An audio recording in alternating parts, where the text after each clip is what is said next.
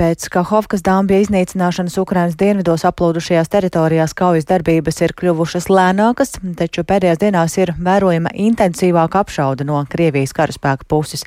Tā šodien ziņo Ukrainas bruņoties spēki. Un vairāk par situāciju Ukrainas dienvidos um, runāsim ar Latvijas radio korespondenti Ukrainā Indru Sprānci. Sveika, Indra!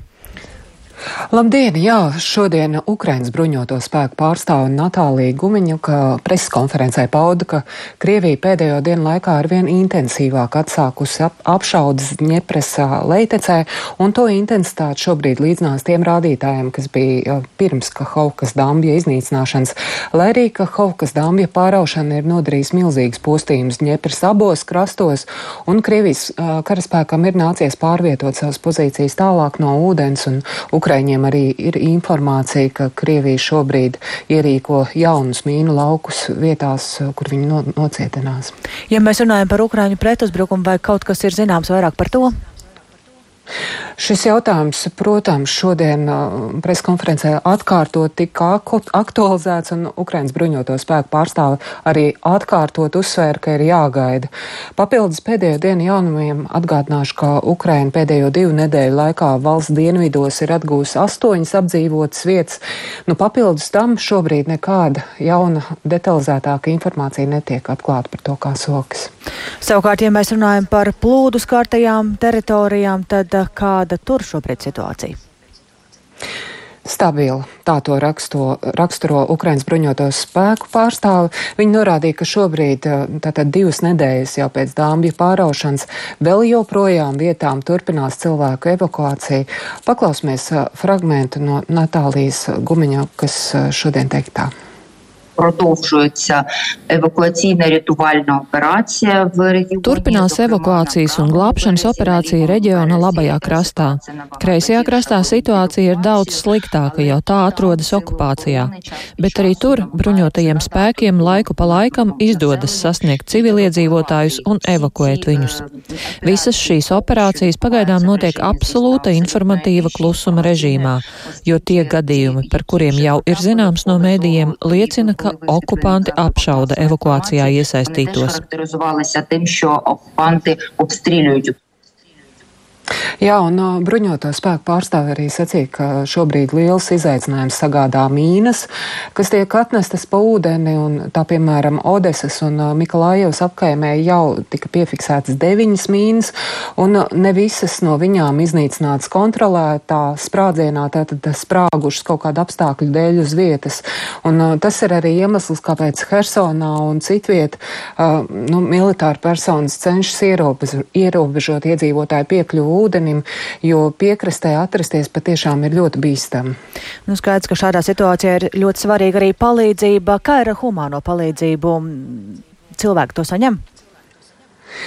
Um, humānā palīdzība pienāk um, Hersonai un, un citviet cietušajiem apdzīvotajām vietām, uh, kā komentēja Ukrainas bruņoto spēku pārstāvu, situācija tiek kontrolēta un uh, ir izveidots vienots koordinācijas centrs, kas koordinē, uh, lai humānās um, palīdzība nonāktu vienmērīgi un izdalītu un nonāktu arī tālākajos palīdzības punktos. Uh, situācija labajā krastā esot stabila, bet uh, Ukraiņa rīcībā esošā informācija par situāciju Krievijas okupētās teritorijās liecina par ļoti, ļoti kritiskiem apstākļiem, un tajā skaitā arī par dzeramā ūdens trūkumu, un, un tur situācija patiešām ir ļoti smaga, un, un tas ir arī viens no iemesliem, kāpēc, kā jau dzirdējāt, tad arī bruņoto spēku pārstāvi cenšas vēl joprojām um, mēģināt evakuēt, evakuēt cilvēkus arī no tās puses.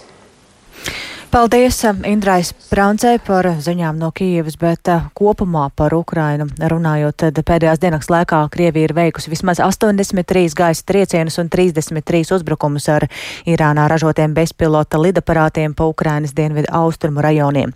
Tikmēr Ukrainas prezidents Volodimirs Zelenskis intervijā Britu raidorganizācijai BBC ir atzinis, ka Ukrainas aizstāvja ofensīva pret Krieviju virzās lēnāk nekā tika gaidīts. Taču, kā norādījis Zelenskis, tad Ukrainas pretuzbrukums nesot Holivudas filmu un vairāk stāsta Rustam Šukūros.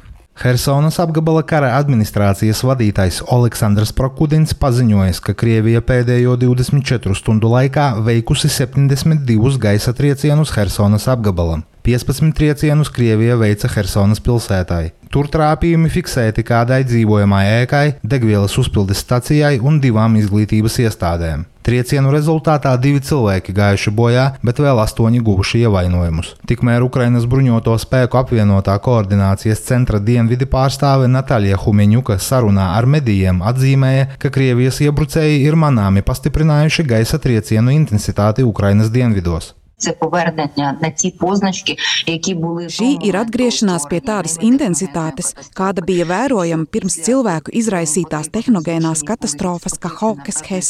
Pēc ūdens celšanās viņi bija spiesti atkāpties nelielā attālumā, atsevišķos rajonos līdz pat 15 km un samazināt triecienu intensitāti.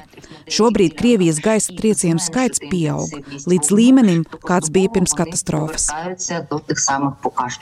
Humiņuka arī norādīja, ka intensitātes pastiprināšanās netraucē Ukrainas bruņotajiem spēkiem iznīcināt Krievijas artērijas tehniku, kad tiek īstenota tās pārdislokācija. Ukrainas prezidents Volodimirs Zelenskis tikmēr intervijā raidorganizācijai BBC skaidrojis, kāpēc Ukrainas bruņoto spēku ofensīvas temps nav tik ātrs, kā bija cerēts. Zelenskis norādījis, ka daži iztēlojas ofensīvu tā, it kā tā būtu Holivudas filma, un šie cilvēki sagaida tūlītējus pretuzbrukuma rezultātus. Tā nav Holivudas filma, runa iet par cilvēku dzīvībām, uzsvēra Zelenskis. Zelenskis atzīmēja, ka militārais progress nav bijis ātrs un viegls, jo Krievijas okupanti ir mīnējuši 200 tūkstošus kvadrātkilometru Ukrainas teritorijas. Zelenskis arī piebilda, ka Ukrainas aizstāvji virzīsies uz priekšu kaujas laukā tādā veidā, kādu uzskatīs par pareizu. Rustam Šukuros, Latvijas Rādio.